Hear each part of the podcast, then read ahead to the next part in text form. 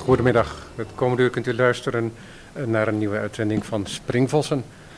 Anneminke van der Velde verzorgt de techniek. Mijn naam is Robert van Altena en ik ga in gesprek met later in dit uur um, grafisch vormgever Karel Martens. Hij heeft een prachtig project gemaakt, Couleur sur la plage. Dat project bestaat uit een boek, maar het bestaat ook uit een installatie die uh, op de stranden van Le Havre is vormgegeven. En dat is een evenement dat dit jaar weer herhaald wordt, heb ik begrepen. Dat is later in het uur. Tegenover mij zit Hubert Thomas, architectuurhistoricus. En hij heeft een boek geschreven over architect A.H. Wegerif met de titel Het bezield modernisme van A.H. Wegerif. Architectuur als beschavingsideaal. Verschenen bij NI 010 uitgevers. Dankjewel voor je komst, Hubert. Of moet ik eigenlijk zeggen. Zeg, hè? Dus, prima. Uh, ja. Uh, Hubert Thomas staat uh, officiële op, op de omslag van het boek. Wegerif is een architect die, waarvan ik de naam niet kende, maar waarvan ik wel al een gebouw kende. En daar sloeg ik op aan toen ik het zag. En dat is het gebouw wat ook op de voorkant bereikt van het boek. Dat is de Willems Flat in Den Haag. Daar heb ik een hele korte periode gewoond. En als ik in de tram uh, richting het Centraal Station reed om de trein te nemen naar Amsterdam, kwam ik langs die flat. En die is heel ruim opgezet in een, uh, met, een, met een soort parktuin eromheen. Ja, ja. En de periode die kun je duidelijk aflezen. Maar um, ja, het viel me op omdat het hele mooie vormen waren. Een heel eenvoudig gebouw. Toch opgezet in uh, de traditionele bakstenen zoals wij dat kennen in Nederland. Ja. Dat was mijn ontmoeting met Wegerif. Wegerif, een architect, geboren in 1888, overleden in 1963. Heeft een hoop gebouwd in de tussentijd. En is een architect geweest die kennelijk niet het bekendste was van zijn generatie. Zoals wij hem althans um, hebben, zoals we die periode althans hebben onthouden. En dan ben ik nieuwsgierig natuurlijk, en de luisteraar wellicht ook, is hoe, jou, hoe jij op het pad bent gekomen van deze Henk Wegerif. Ja, het is erg leuk om te horen dat uh, de Willems Parkflat jou zo boeide in jouw tochten uh, in de tram naar Centraal Station Den Haag. Uh, dat is een ervaring die veel mensen in Den Haag hebben, hadden en nog steeds hebben. Omdat het gebouw er echt wel uitspreekt. Het is een markant gebouw. Uh, mijn interesse voor deze man is ontstaan uh, al heel vroeg in mijn jeugd, omdat ik ben opgegroeid in een, in een huis van een oom van hem, wat door een oom van hem was ontworpen. En, Chris Wegerif. Chris Wegerif, inderdaad. En het was een heel afwijkend huis, anders dan de omgeving. En dat fascineerde mij enorm. Later heb ik eens, ik was toen begin twintig, ik studeerde Amsterdam en toen dacht ik, weet je wat je moet doen, Hup? Je moet eens even wat dieper uh, gaan uitzoeken, verder gaan uitzoeken, wie die man nou eigenlijk was. Dus dan begin je in het archief, in het gemeentearchief van Apeldoorn. En uh, op een gegeven moment heb ik de stoute schoenen aangetrokken en ben ik naar het documentatiecentrum voor de uh, bouwkunst gegaan. Destijds nog hier aan de droogbak. En sprak ik met Dick van Woerkom, destijds de directeur. En die zei een beetje zo, een beetje beetje uit de hoogte van, ah ja, ja, weegif, ja, ja. Ja, het is wel tweede garnituur hoor, zei hij zo. En uh, toen dacht ik... Wat natuurlijk een dodelijke opmerking. Ja, ja, ik vond het heerlijk. Ik vond het heerlijk. Want toen dacht ik, ik zal je krijgen. Uh, uh, ik ga hier met extra veel energie mee aan de slag. Ik heb dat, nou dat heeft geleid uiteindelijk met, veel stappen tot het boek wat hier op tafel ligt. Ja, en dat boek, ehm, dat heb je, dan heb je nog de keuze hoe je dat gaat behandelen ook. Ja. Hoe je de menging gaat laten plaatsvinden van het leven ja. van de architect, de persoon. Absoluut, ja. En, uh, en zijn werk. Ja. ja, ik vond dat het een niet zonder het ander kon. Er zijn nogal wat monografieën die uh, doen voorkomen alsof, alsof de, de persoon om wie het gaat alleen maar werk heeft geproduceerd. En ik dacht, nee, die heeft ook geleefd. Die heeft ook relaties gehad en die heeft zich ook maatschappelijk verhouden tot, uh, tot zijn omgeving. Um, het is misschien wat gek als ik tegen je zeg van, toen ik eenmaal aan het schrijven was, uh, schreef het boek zich vanzelf. Um, maar dat kwam natuurlijk doordat ik hele diepgaande gesprekken had gehad met mijn promotor in Delft, want ik had besloten, ik ga op dit onderwerp promoveren. Uh, Francisca Bollerai was destijds mijn promotor. En ik heb natuurlijk de nodige gesprekken met haar gevoerd over structuur van het boek, de aanpak van uh, de studie. En zij kwam met uh, een aantal op mogelijke opzetten. En uiteindelijk, het resultaat werd hier op tafel ligt, uh, wijkt daar volledig vanaf. Uh, in die zin dat ik als schrijvende besloot van nee, er komt een stuk filosofie, er komt een stuk, uh, een deel over zijn denkwereld, over zijn bronnen. Want zijn werk is redelijk ondergrondelijk, dus ik zal dat op een andere manier moeten benaderen dan gebruikelijk. Er komen hier natuurlijk allerlei vragen op in op wat voor manier architectuur ondergrondelijk kan zijn, maar daar komen we duidelijk wel op. Dat vreesde ik al, ja. dat er vragen zouden komen. Maar, um, en uh, een biografisch deel, omdat er, ik kwam er ook achter gaandeweg dat zijn leven nogal uh, veel ups en downs heeft gekend. En ik, ik bedacht van er zou nog een derde deel bij moeten en dat gaat in op de typologie van de, zijn woningen. Want hij is voornamelijk een woningarchitect. En zo is het gaandeweg die structuur ontstaan. Ja. En uh, ik ben daar nog heel tevreden mee, met die structuur. En dan nog ingaand op jouw keuze om ook het leven van de architect daarbij te betrekken. Dat is misschien met betrekking tot Wegerif uh, wellicht nog pertinenter dan bij andere architecten. Omdat hij um, zo... Um, om, om in, in, verband met zijn idee over uh, wat architectuur is en hoe het gebouwd zou moeten worden.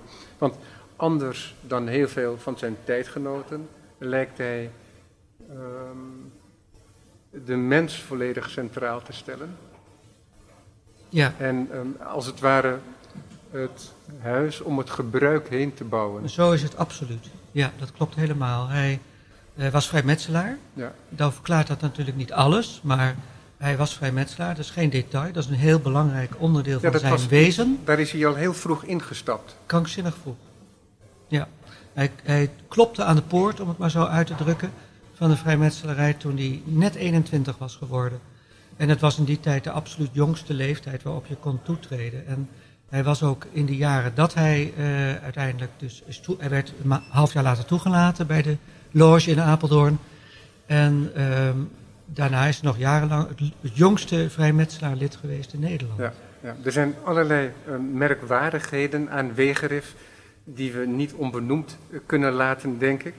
Um, hij, eerst even zijn achtergrond. Zijn oom, uh, Henk, uh, Chris Wegerif, architect, die heeft hier nota bene um, de graansilo op het, op het, op het dok ge, ge, ge, gebouwd, op, naar ontwerp van iemand anders. Van Klinkhamer. En het, ja, ja, en het is interessant dat Karel Martens ja. in het MVRD-gebouw uh, ja. daarnaast uh, dat zag ik, uh, zijn bureau heeft. Ja, ja. Dat is de latere gast van, van vanmiddag.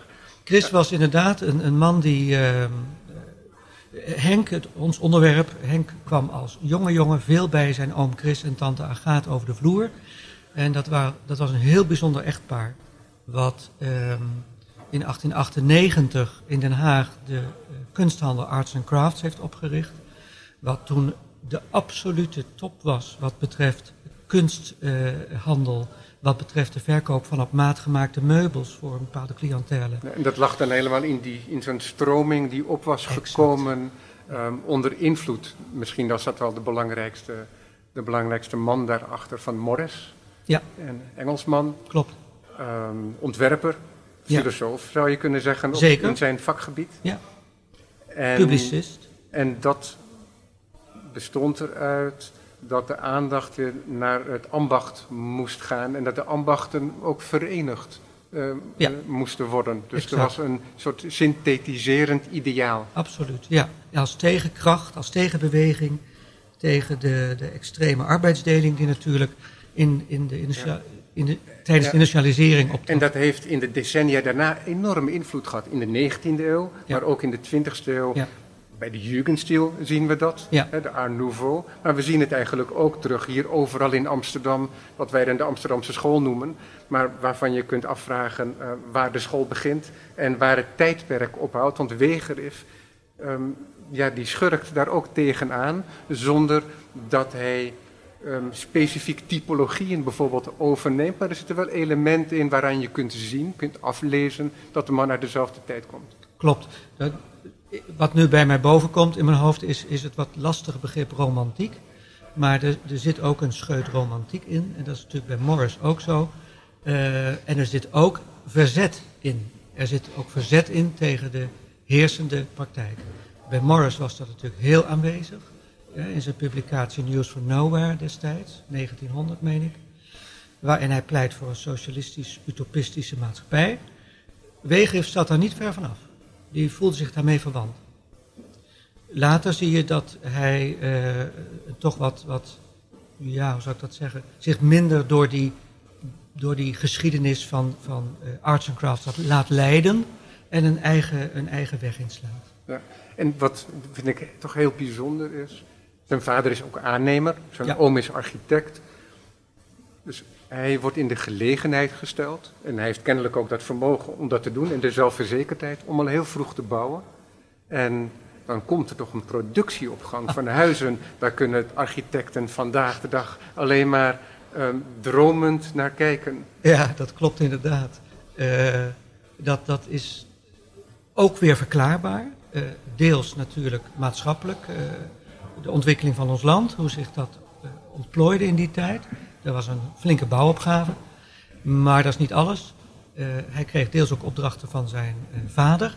Uh, want zijn vader kocht ook stukken grond en ontwikkelde die en liet de ontwerpen door zijn zoon verzorgen. Dat is natuurlijk een enorme boost, een beginnend architect. Uh, en dan komt erbij dat zijn eerste echtgenoot, zijn eerste vrouw, met wie hij in 1911 trouwt, uit Rotterdam komt. Nou ja, Rotterdam is booming. En zij komen uit een wat hoger milieu in Rotterdam. En met de bijbehorende kennissen en vrienden en dat leidt ook tot een Rotterdamse stroom van opdrachten. Dus dat zijn die drie dingen samen. Ja, en dan is het ook toch zo, we noemden Chris al even, maar zijn vrouw mag ook niet onbenoemd blijven. Agathe. Sterker nog, die hadden we al lang moeten benoemen. Ja. Omdat zij, uh, ja, zij was, het was sowieso een schitterende vrouw. Ze werd ook door, de, door haar kleindochters, uh, kleinkinderen, werd ze oma prachtig genoemd. Dat gaf, geeft al iets aan. Maar ze was uh, een zeer uh, getalenteerd kunstenares. Die de batik-techniek uit Java naar, naar, Europa heeft vertaald, zullen we maar zeggen.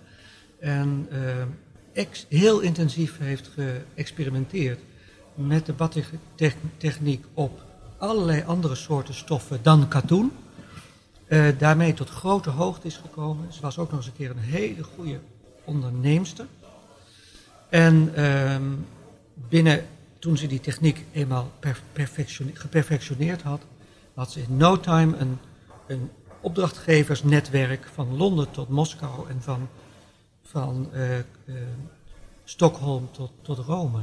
Um, en ze mocht zelfs de tsaar tot haar opdrachtgevers rekenen en de keizer en noem maar op. Een fenomenale vrouw.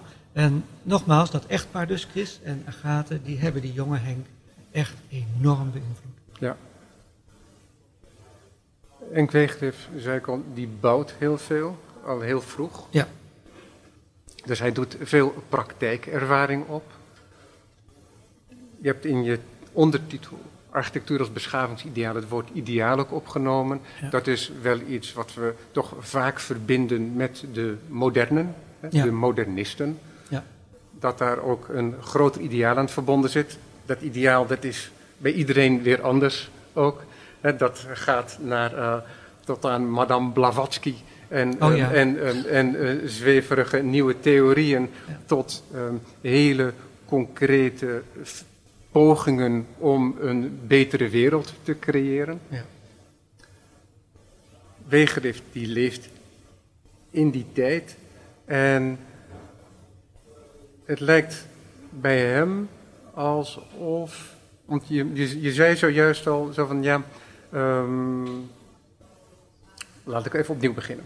Ik noemde net al eventjes de Amsterdamse school. Bij die, die, Amsterdamse school die is volledig verbonden met die woningwet uit, wat is het, 1903? 1. 1901, ja, ja. nieuwe woningwet. En die maakte het mogelijk ja. om grote plannen op te zetten, om woningbouwverenigingen te creëren, zodat er voor de noodruftige mens ook gebouwd werd. Want daarvoor was dat niet de moeite waard. Waardoor er revolutiewoningen werden gebouwd. Dingen die al soms in elkaar stortten voordat ze Ja. afgerond waren. Ja. In diezelfde periode bouwt Henk Wegerif, maar zijn cliëntele ligt heel ergens anders. Dus hij bouwt voor de goede burgerij, Later, bouwt hij toch huizen. later. Maar op dat moment waar we het nu over hebben, dus dan hebben we het over de, het eerste decennium van de 20e eeuw, Maar dan is hij nog een knaap. dan is hij een knaap, maar experimenteert hij deels een opdracht van zijn vader met wat we nu zouden noemen een woning voor het ex- existensminimum. Ja. Hè? Dus een, een woning die een lage huur eh, doet. En hij is zeer bedreven, hij oefent zich in die periode in, in het kneden van zo'n plattegrond. Ja. Op zo'n manier dat de bouwkosten laag blijven, maar dat de bewoners die daarvoor nog in eh, eh, vochtige kelders hebben gewoond, eh, want dat was de situatie, ehm, een compleet huis hebben met een slaapzolder. En zelfs in die plattegrond van maar 7 bij 7, Ja. buitenmaat, buitenwerks, een kamertje hebben van 2 bij 2 met één plank. En op die plank kunnen de boeken staan, want die, die werkman die wil zich s'avonds ook bijscholen. En dit is zo typerend voor zijn streven Ja. om het daadwerkelijk wat hij filosofisch eh, beargumenteert, zal eh, beargumenteren later in zijn geschriften, wat hij dan daadwerkelijk gewoon met zijn handen ook schept. Ja. Eh, en dat maakt ook dat hij een goede kandidaat is, nog steeds in Apeldoorn dan, voor die nieuwe woningbouwvereniging De Goede Woning. En daar de eerste tuindorpen eh, bouwt eh, voor onwaarschijnlijk lage bedragen. Ondanks het feit dat het 1917 is en de bouwkosten verdrievoudigd zijn. Door de Eerste Wereldoorlog. Ja. ja. Ja. En pas later, of dan geleidelijk, tijdens die Eerste Wereldoorlog, komt hij ook in een stroom opdrachten van bemiddelde particulieren. En dan gaan die werelden wat uit elkaar lopen. Maar dan valt er nog wat interessants te zeggen, want die oorlog is afgelopen. Het is eh, 1918, eh, no- 11, no- 11 november, wapenstilstand. Ehm, en wat ziet hij dan om zich heen? Hij zegt, ik constateer, hij schrijft daarover, ik constateer dat voor de arbeiderswoningbouw goed gezorgd wordt. Daar is een structuur voor bedacht, namelijk de woningwet en de woningbouwverenigingen. Maar ik zie dat de middenklasse, en nu zijn we in de actualiteit aangeland van het hier en nu, ook in Amsterdam. Hij constateert dat de middenklasse niet meer kan wonen. Ze kunnen het niet meer betalen, vanwege die verdrievoudiging van de eh, bouwkosten. Eh, en wat bedoelt hij met middenklasse? Bedoelt hij gewoon de tramconducteur, de onderwijzer, de eh, ambtenaar, et. En dan gaat hij zich storten, dat is heel interessant, dan gaat hij zich storten met zijn zwager, Ties Kruijzen, inderdaad uit die hockeyfamilie, wat later een hockeyfamilie wordt. Eh, met Ties Kruijzen gaat hij zich werpen op het ontwerpen van huizen voor de middenklasse. En dat worden ook weer huizen met een beperkt budget te bouwen. En lukt het hem in die jaren vanaf 1919 tot 1923 om eh, zowel geschakelde als individuele woningen als gestapelde woningen voor de middenklasse te, te bouwen tegen gegarandeerde, prijzen Ja. door heel Nederland. Ja. Ja. En dat is ongelooflijk interessant. Ik ken maar één die dit heeft gedaan, dat is hij. Ja, en want het is interessant dat vervolgens, ook als je het boek doorbladert, er voornamelijk ehm, huizen zijn gebouwd Ja. en geen stedenbouwkundige projecten, zoals met Oud het geval was. Nee, op heel beperkte schaal. Ja. Op beperkte schaal. De, de verkaveling van die 98 woningen in Apeldoorn voor dat tuindorp, die verkaveling komt van Ja. hem. En die zit verrekt goed in elkaar trouwens. En daar, daar, daar trekt hij al meteen op vanaf het begin met een landschapsarchitect. En dat was heel bijzonder. Ja, dat deed vrijwel niemand. Ja, wat, de, wat, hoe wij nu naar die periode kijken, dat is in, in historisch opzicht bij- bijna volledig overgenomen door de stijl. Hè, Ja. Oud die is, Ja. en Wils ook, de Ja. man van het, eh, van het Olympisch Stadion onder andere. Ja. Ook het eh, stadion in Rotterdam trouwens. Goede vriend van eh, Henk trouwens. Exact. Ja. En, en die had ook connecties bij de stijlen met Van Doesburg. En daarmee uiteindelijk ook met bijvoorbeeld Elizitsky. Ja. En via Elizitsky kom je dan ook weer bij Malevich terecht. Dus Ja. dan ehm, zit je toch diep in de Europese avant-garde. Ja. Wegerif die heeft zich daar niet heel erg mee bemoeid. Nee, En- maar hij kende en- de en- verhalen wel Maar- van zijn nee, precies, tante. Precies, Want die had contact met die kerels. exact. Ja, Ja. ja. En aan de andere kant heb je ook dat hele grote eh, utopische projecten, zou je misschien kunnen zeggen, maar het was ook toch praktisch. Het SIAM, het, eh, het Internationale Congres voor eh, Moderne Architectuur, Ja. waar ehm, voor Nederland ook een aantal architecten bij zaten en natuurlijk de grote eh, Corbusier. Ja. Wat toch in Nederland ook een belangrijke rol heeft gespeeld, omdat dat, dat waren grote stedenbouwkundige vraagstukken die daar werden besproken. Ehm, maar ja, vanuit de internationale stijl zou je kunnen zeggen. Ja. En Wegerif, die heeft daar kennis van, dat kan niet anders. Ja. Maar hij, gaat, hij zoekt niet zozeer groeperingen op. Nee, klopt. Maar daarmee kan je niet zeggen dat Wegerif een architect is die met zijn neus op de tekentafel zit en de wereld niet ziet. Want als je ziet hoeveel bezigheden hij heeft om zijn architectuurpraktijk heen, Ja, dan is dat Ja. duizelingwekkend. dat is duizelingwekkend. Hij heeft eh, ongeveer zeven levens geleid waar wij er één eh, mogen leiden. Eh, dat is echt zo. Want, En even samenvattend, en dan, en Fenomenaal. dan laat ik jou kiezen waar je op doorgaat. Maar hij zit dus in zo'n vrijmetselaarsloge. Hij zet een vrijmetselaarsloge op, Op. in Den Haag. Hij houdt zich bezig met de architectuur daarvoor. Hij houdt zich bezig met eh, crematie. Dat was toen geen vanzelfsprekendheid om eh, de mogelijkheid tot crematie op te zetten. En misschien zou je dat als zijn grote opus kunnen zien ook. Dat er uiteindelijk een prachtig crematorium wordt gebouwd in 1962. Een jaar voor zijn dood. Ja, Wat er ook prachtig klopt. uitziet nog steeds. ja, ja, En tegelijkertijd bedrijft hij architectuurgeschiedenis. Hij schrijft eh, een tweedelige studie ja. over middeleeuwse architectuur. Ja, dat was een. eh, ja, en daarnaast heeft hij ook nog zich intensief bezig gehouden met het bijeenbrengen van kunstenaars. In de zin van. eh, de kunstenaars leefden in het interbellum in een heel guur klimaat. Want de overheid eh, vond indachtig Thorbecke. eh, de, staat heeft zich niet, dient zich niet inhoudelijk te bemoeien, of dient zich niet te bemoeien met, met de kunsten. Dat nam de Colijn en de zijnen namen dat heel letterlijk. Eh, wij doen niks voor de kunsten. Eh, dus eh, kunstenaars moesten echt hun eigen weg zien te vinden in alle opzichten. Daar heeft hij zich erg voor ingezet om, zullen we maar even zeggen, gewoon een vakbond voor kunstenaars te creëren. En dat is ook, Ja. dat is ook gelukt. Een van de drie hoofdtermen uit de vrijmetselarij ook. Ja. Schoonheid, Exact. kracht en Daar wijsheid. is hij ongelooflijk actief in geweest. Hij was op een gegeven moment ook voorzitter van de Haagse Kunstkring. De Haagse Kunstkring was in Den Haag in die tijd een enorm actieve beweging. Je ziet ook als hij voorzitter wordt dat hij eh, binnen twee jaar eh, het aantal leden met bijna 40% heeft weten te verhogen. Eh, dat is heel bijzonder. Ik ga je nu even Ja. onderbreken, want ik, we, we hebben een beperkte tijd. En er moeten nog een paar dingen aan de orde komen. ja, Hij is namelijk ook heel druk bezig geweest met de Filmliga en zijn rol ja, als filmarchitect. ja Dus heel toevallig hij, dus ontstaan. hij werd decorontwerper, decorbouwer. Ja. Dan nog eventjes samenvattend, al die bezigheden maken die ook niet dat zijn oog meer ehm, ja, zo versplinterd werd naar verschillende richtingen, dat er een, dat de focus ehm, zoeken raakte op de architectuur. En is dat misschien een van de redenen waarom hij nu minder bekend is als architect? ja, dat is een heel interessante vraag. Want Het is, er, is, ja. er is nooit één reden natuurlijk. Nee, maar het is dus, eh, maar Eh, ik snap wat je. Ja.